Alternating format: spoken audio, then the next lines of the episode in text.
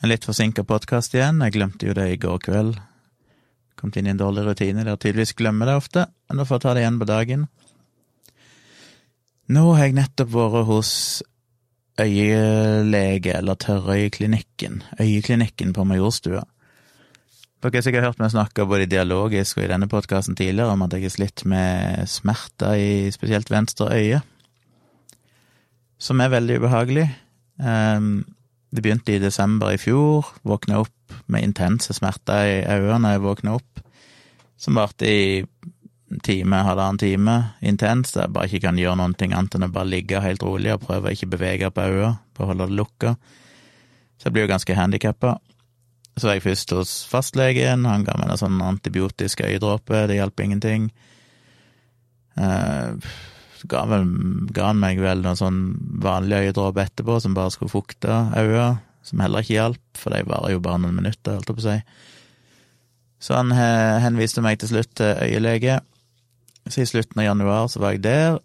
Han kikka på øynene, fant ut at det mest sannsynlig var at jeg hadde fått et eller annet sår på øyet, fått en kvist i øyet eller en finger i øyet eller et eller annet, det kunne ikke jeg huske, men det kunne ha skjedd for lenge siden, sa han som fører til at det gror nye celler oppå, men de fester seg, tar litt tid før de på en måte fester seg skikkelig.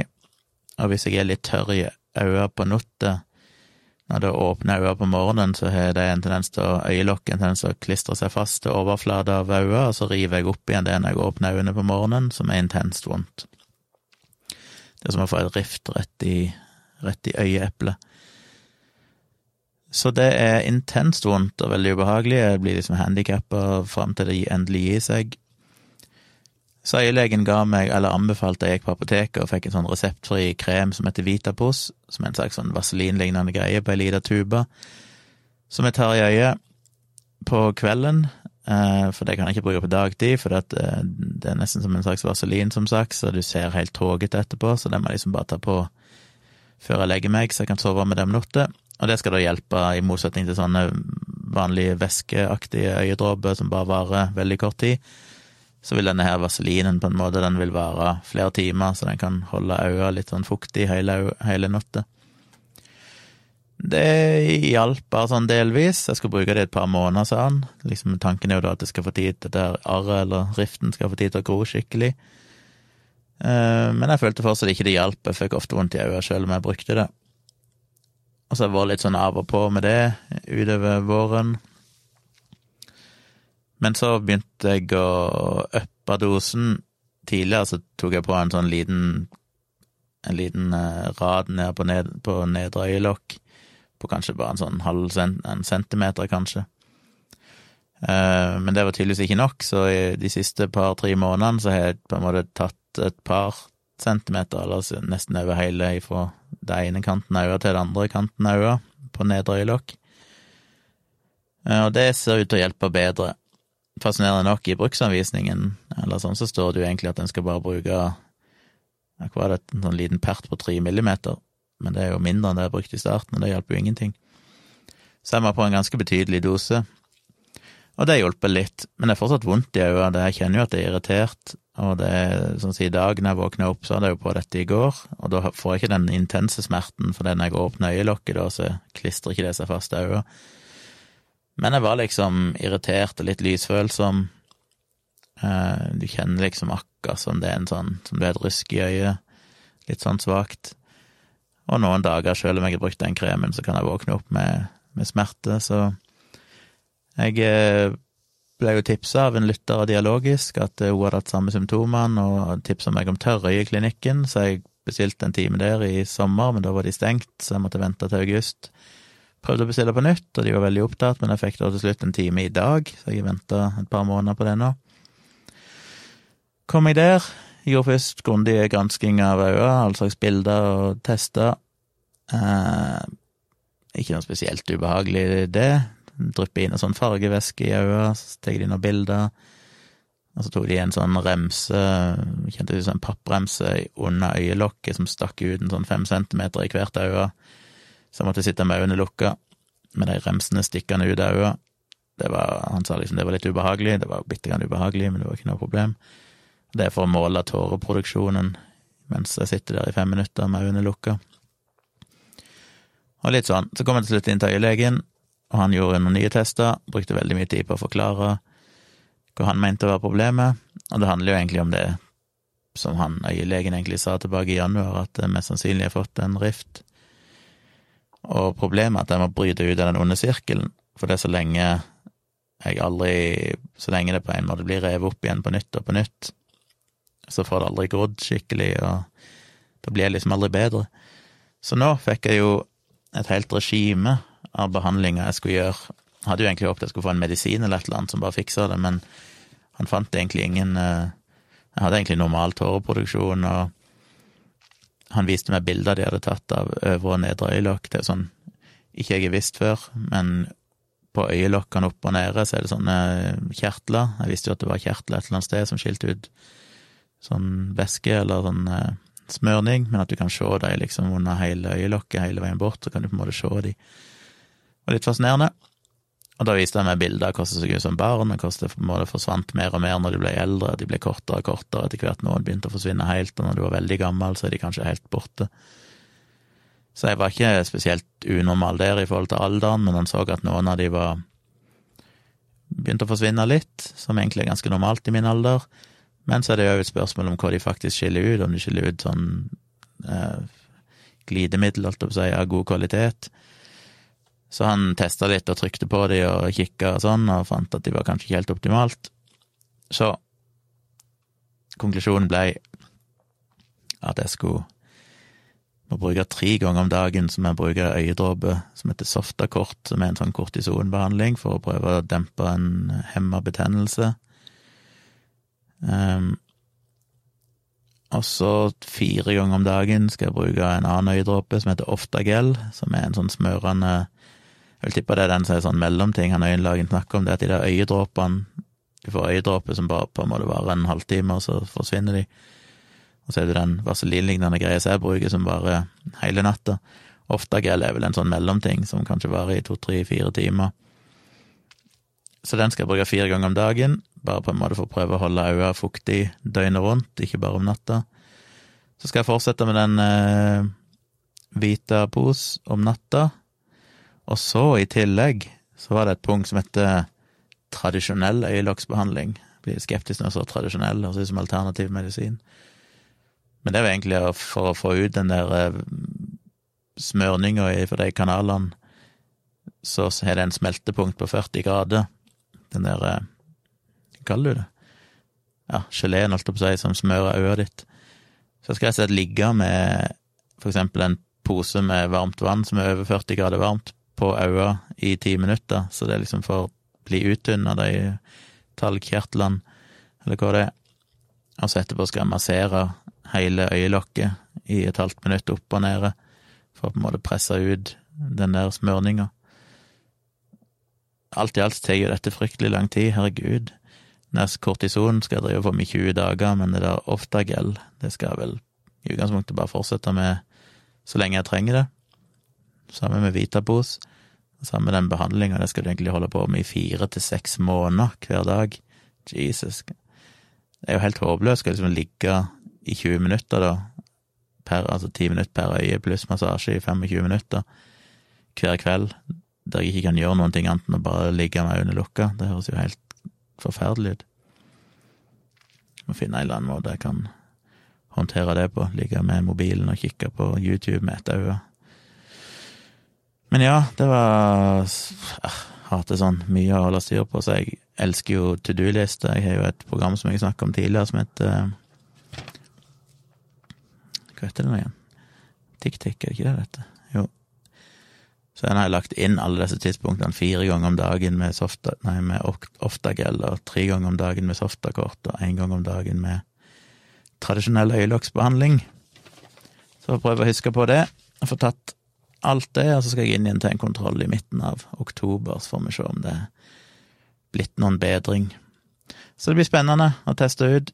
Uh, syns det er noe dritt å måtte gjøre sånne ting. Det er ikke noe vondt eller plagsomt eller noe sånt, det er bare tar tid. Jeg må liksom bryte opp dagen min hele tida, for det tar litt tid å ta de øyedråpene, og så må du massere, og så må du vente, og så må du et kvarter eller sånn etter jeg har tatt den kortisonøyedråpen, så må jeg ta den andre, den der gellen. Så må jeg drive på med det, og så Det er jo små problemer i forhold til det de fleste andre, så jeg skal ikke klage. Forhåpentligvis så hjelper det. Det er jo en privat klinikk, så det koster jo 1500 kroner å bare ha den konsultasjonen. Men medisinene, den ene var vel gratis, og den andre var Jeg vet ikke hva den kosta. Var ikke dyr, iallfall. Så vi får se hvordan det går. Ellers så har det skjedd noe nytt og spennende? Nei.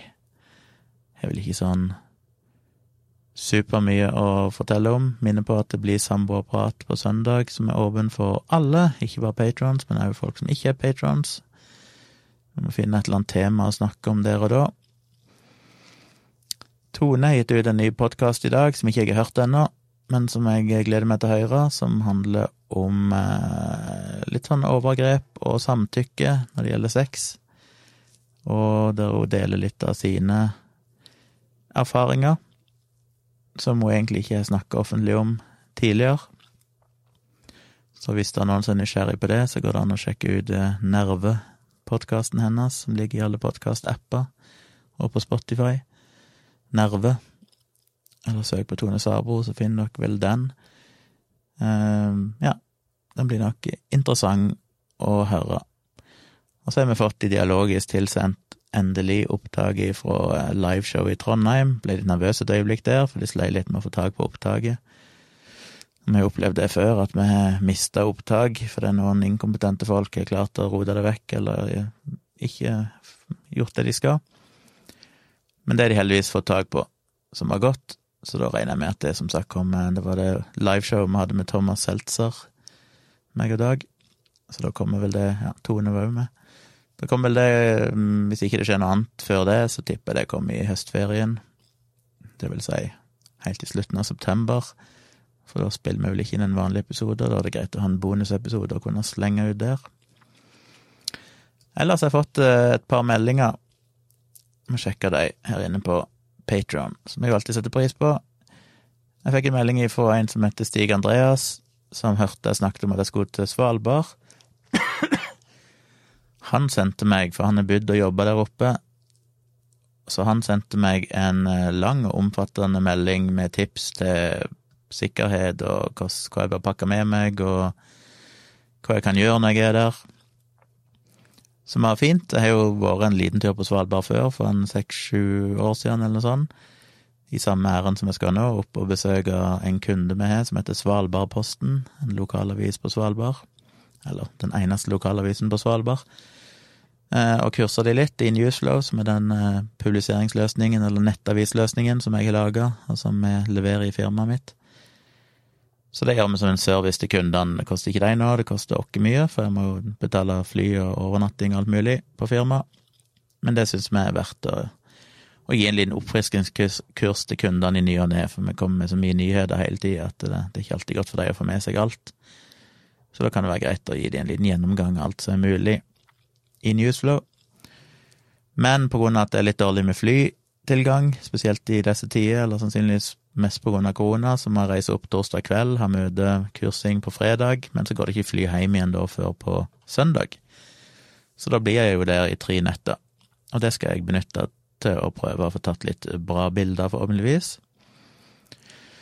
Så han ga meg jo litt tips, og så er det jo litt eh, rart med Svalbard, da, for der er det jo isbjørn som eh, romsterer rundt, og de kan jo plutselig en gang iblant, visstnok, dukke opp eh, til og med inn i byen, eller i nærheten av folk, iallfall. Ikke nødvendigvis bare hvis du tar deg en tur langt vekk. Så det er litt scary. Så han skriver jo Hvorfor klarer jeg ikke å scrolle i meldingen her? En eller annen bug i Patron-nettsida. Må se om jeg får han opp på appen her, så jeg kan lese hele meldingen. Jeg husker hva han skrev. Skal vi se der. Så han skriver jo litt om eh, Ja Om sikkerhet. At du bør egentlig være bevæpna hvis du går utenfor Longyearbyen. Det visste jeg for så vidt, men det er jo brutalt å lese. Eh, på grunn av isbjørn, da, så kan du Om ikke du drar med deg våpen, så bør du kanskje ha med en signalpistol. Det kan du leie der. Og så skriver han hvis ikke jeg er komfortabel med det, så går det an å få med seg guider. Og jeg vet ikke hva jeg skal finne på der oppe, for jeg er ikke komfortabel med å dra med meg våpen spesielt. Og egentlig ikke signalpistol heller. Um, vet ikke helt hva som hadde forholdt meg. Jeg har jo egentlig Min strategi er vel å prøve å unngå i det hele tatt møte på en isbjørn. Og jeg er jo ikke noe naturmenneske, så jeg kommer nok ikke til å pakke sekken og ta av gårde på lange turer. Som sikkert er litt trist, siden det sikkert hadde vært bra. Men jeg får se litt hva jeg gjør. Jeg tror nok jeg kommer til Jeg tror nok det går an å ta mye bra bilder uten å bevege seg veldig langt vekk ifra eh, Longyearbyen sentrum. I den grad de het sentrum. Det er vel ikke noe mer enn et sentrum, det er primært ei gate med noen hus. Så får se hva jeg gjør. Eh, sist jeg var der, som jeg vel nevnte, så var det en ansatt i Svalbardposten som For jeg hadde litt tid å vente da, før flyet gikk noen timer. Flyet gikk ikke før på ettermiddagen, vel, og så møtte jeg han på formiddagen. Vi hadde vel kurset dagen før, hvis jeg husker rett. Men så måtte jeg være der neste dag for å vente på flyet som gikk på ettermiddagen. Og da tok han med meg i bil og kjørte litt rundt, men da ble det så utrolig dårlig vær. Blåste noe så sinnssykt med snø og greier, så vi så ikke hvor vi kjørte til slutt, så vi måtte bare snu. Jeg skulle vel egentlig, tror jeg, kjøre ut til noen gruve, nedlagt gruve eller et eller annet sånt et eller annet sted, jeg husker ikke. Eh, så det måtte vi avbryte. Da kjørte vi tilbake igjen, og så kjørte vi heller opp til dette her eh, frølageret som eh, de har på Svalbard, denne underjordiske lagerhallen der de oppbevarer frø ifra all slags planter og sånn, for å bevare det i tilfelle Armageddon, Armageddon kommer. Så er de én plass på jorda der det er sikra DNA til forskjellige planter. I tillegg så har jeg hørt de begynt å lagre kode der oppe nå. GitHub, som er en sånn kodebase der alle som programmerer sånn, kan laste opp koden sin hvis de vil dele den med andre, og andre kan bidra med bugfixer og utviklinger og sånne ting, eller videreutvikling. Eh, hørte rykter om at de nå har begynt å dumpe backuper av den koden, alt ligger i GitHub, blir òg lagra oppi det frølageret, som vel òg skal sikre at hvis verden går unna, så har de en slags kopi av mye viktig kode som finnes i GitHub, open source-prosjekter og sånn, som ligger der. Så det er jo spennende. Men jeg var oppe og så på, vi gikk jo ikke inn, det var bare du kom egentlig bare til en, en svær dør midt i fjellet. Og der òg blåste det så sinnssykt, så jeg husker jeg gikk bare litt rundt og kikka på utsida. Så. så det var ikke all verden jeg fikk kikka den gangen. Så jeg får se denne gangen om det er en uh, hyggelig fyr fra Svalbardposten som kanskje har lyst til å kjøre meg rundt. Ulempen med det er at når du har noen som kjører rundt med deg, så begrenser det litt fotomulighetene. For det eh, jeg føler ikke jeg kan da bruke masse tid på foto, og de må sitte og vente. Uh, men det er da fint med en sightseeing. Jeg kan ta med kamera og bare ta litt mer knips og litt mer sånn kjappe bilder. Men jeg har jo lyst til å ha med stativ og på en måte bruke litt lengre tid på å ta noen litt mer gjennomtenkte bilder og sånn. Så jeg får se hva jeg får til. Jeg pakker iallfall med meg kamerautstyr og stativ og alt mulig. Og da har jeg hele Jeg har både torsdag kveld og fredag kveld og hele lørdagen, og sikkert noen timer på søndagen hvis jeg vil det, der jeg kan utforske litt. Så jeg håper jo jeg for eksempel at det er nordlys. Jeg har faktisk aldri sett skikkelig nordlys før. Nordlys før. Jeg har sett sånn svakt antydninger til det eh, her lenger sør i landet, men aldri sett et sånn skikkelig, skikkelig intens nordlys. Så det hadde vært gøy å sette det, og prøvd å rigge opp eh, kamera på stativ og ta bilde av det, se om jeg klarer det. Jeg har aldri gjort det før, så det krever jo litt teknisk kompetanse få det bra, men da har jeg iallfall en del tid på meg, så jeg forhåpentligvis kan eksperimentere litt og og få tatt et bra bilde av det. Og ellers bare, hvis det er en fin solnedgang over fjellene der og isen og Ja, jeg må se hva jeg får til. Jeg tror det kan bli spennende, og hvis jeg tilfeldigvis ser en isbjørn på forhåpentligvis lang avstand, så hadde det vært gøy å få knipsa bilde av det òg, men det Da håper jeg han holder seg langt vekk fra meg.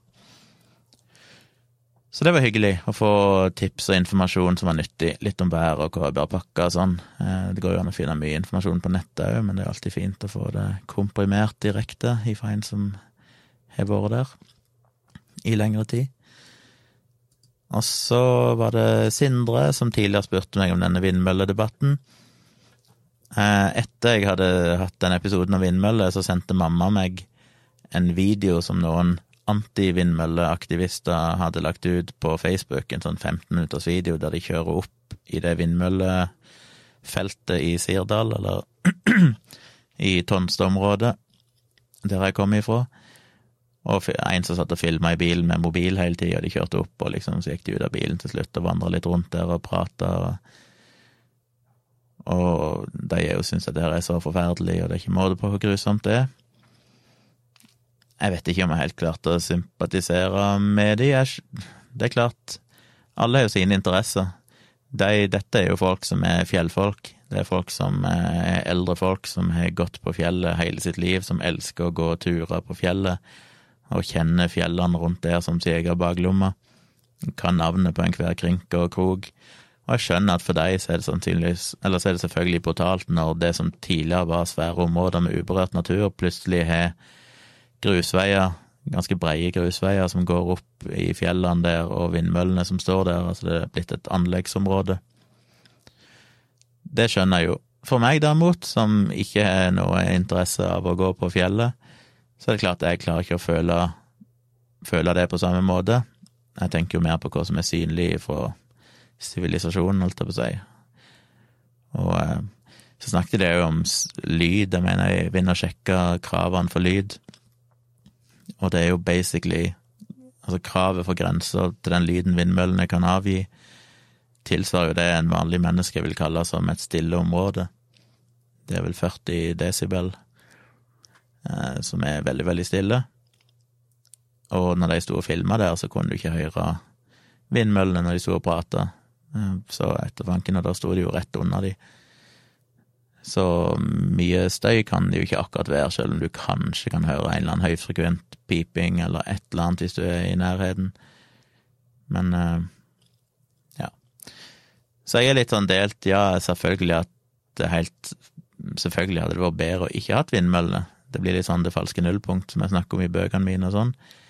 Eh, hvis du eliminerer vindmøllene, ja, så blir alle fornøyde, og det er flott natur og uberørt, og alt er sånn som det var en gang i tida. Men konsekvensen av det er jo at vi får produsert mindre energi, som en da må produsere kanskje ved hjelp av fossile brennstoff, fossile kilder, som jo har fryktelig, fryktelig mye verre konsekvenser. Så det er jo Det er jo ikke Det er jo liksom det er jo sånn lose-lose, eller win-win. Uh, alt etter hvor du står, og hva som er viktig for deg. Så ja, det var iallfall interessant å se den videoen, for så vidt, for den viste jo hvordan det så ut. Jeg tenkte jo primært mest på vindmøllene, jeg hadde ikke tenkt så mye over at det gikk såpass mye veier sånn inn i fjellet som ikke var der tidligere. Der de har sprengt vekk eh, fjellmasser og sånn for å legge til rette for å kunne kjøre opp til disse vindmøllene. Og det skjønner jeg jo selvfølgelig er provoserende for noen. For min del så tenker jeg jo rent egoistisk tenker jeg, ja, flott, da går det jo an å kjøre inn i fjellet. Det er mye lettere enn å måtte gå helt ifra bunnen av. Så alltid noe positivt. Eh, men han spurte meg om vindmøllene, som jeg snakka om litt tidligere i en episode, og så fulgte han opp nå i, eh, i går, der han skrev eh, han lurte på hva jeg mente om den siste måten å utføre vaksinetesting, det som kalles for Human Challenge, og et prosjekt, eller ikke egentlig hva det er, som heter One Day Sooner. Som, vel, eh, som jeg egentlig ikke umiddelbart kjente igjen de begrepene, men jeg bare googla det og ser jo at det er jo det som jeg har hørt om tidligere, der de er vel egentlig da frivillige folk la seg smitte. Eh, jeg må bare dobbeltsjekke det. One Day Sooner. Jeg bare sjekka det så fort at nå ble jeg usikker på om jeg hadde sjekka det for fort. Ja, One Day Sooner er ja, at de rett og slett smitter, eksponerer deltakerne i studien for eh, koronainfeksjon, for å sjekke i hvilken grad vaksiner virker og sånn. Altså Det de ofte gjør i sånne studier, det er jo at du, du har på en måte en et område der du vet det er en ganske stor del smitte i omløp, og så vaksinerer du en viss andel, og så sammenligner du da etter en viss tid hvor mange av de som er vaksinert, som har blitt smitta, sammenlignet med de som ikke er vaksinert, altså en, et utvalg av befolkningen som er en slags kontrollgruppe. Mens her, med denne Human Challenge-måten, så eh, smitter de spesifikt folk etter de er vaksinert. Eh, jeg er litt usikker på hvordan det virker videre, om de da òg sammenligner det med de må på en eller annen måte sammenligne det med uvaksinerte uansett, men Men forskjellen er jo det at i en vanlig studie så vet du ikke om de blir smitta, det er jo bare tilfeldig om en person som er vaksinert blir smitta eller ikke, så de må bare se på rent statistisk på det, liksom hvor stor andel av uvaksinerte blir smitta tilfeldigvis i løpet av en viss periode, og hvor mange som er vaksinert blir smitta, og forhåpentligvis, hvis vaksinen da virker, eh, så vil det jo være færre i den vaksinerte gruppa som har blitt smitta. Men ser altså så utsetter de folk for uh, direkte smitte. Og det har jo selvfølgelig noen etiske aspekter ved seg, fordi ja, det ene er jo det hvor representative er de. Jeg vil jo anta at kanskje folk som melder seg til å være med på noe sånn, kanskje, jeg vet ikke dette helt sikkert, men kanskje i større grad er unge, friske folk som tenker at jeg tåler en, jeg tåler en runde med covid-19. Eh, så ja, det vil kanskje være samme problemet hvis de uansett eh, vaksinerer folk. Jeg får jo håpe hvis de vaksinerer folk i en sånn vanlig studie, at de da har et representativt utvalg av litt forskjellige unge og gamle og kvinner og menn og sånn. Mens her, når de faktisk smitter folk direkte etter at de er vaksinert, så kan det vel kanskje være større sjanse for at eh, de som er med i en sånn studie, i større grad føler at de vil tåle å bli smitta. I en vanlig studie så regner ikke folk med å bli smitta, det er jo bare sånn hvis de blir smitta, så er de vaksinert. Men ser, sier du jo at smitt smitter meg direkte, jeg vet jeg kommer til å bli smitta, og gambler på at vaksinen virker, og virker den ikke, så har jeg god nok helse til at det funker. Det er jo prisverdig på én måte, hvis du gjør det med den hensikten å fremskynde testing av vaksiner, for det, da kan en jo teste det fortere. Men det minner meg jo litt om sånne smitteringer som eh, alternative folk driver med, sånne folk som mener at det er bra for unger for mesling og alt dette her, som da utsetter ungene for å smitte direkte ved å for eksempel Det er jo fuckings nettsider, jeg vet ikke om det er blitt forbudt nå og lagt ned, eller om det fortsatt finnes, men tidligere så var det jo nettsider der du kunne bestille slikkepinner som var som hadde for eksempel meslingvirus, som du da ga til ungen din, så de kunne suge på slikkepinner og da bli smitta. Som ble solgt av sånne alternative folk som mente at det var bra for ungene fordi det styrker immunforsvaret og gjennomgått det, det er mye bedre det enn å, å, få en vaksine. Og det er jo flott hvis ungen overlever, men eh, to-tre per tusen unger som får meslinger, dauer jo av det. En del av de får permanente hjerneskader, de blir døve for livet, og en ganske betydelig andel, varierer litt hvilke tall det er, men eh, noen sier opptil 30 kanskje, ender jo på sykehuset fordi de får sekundære infeksjoner som lungebetennelse og sånn.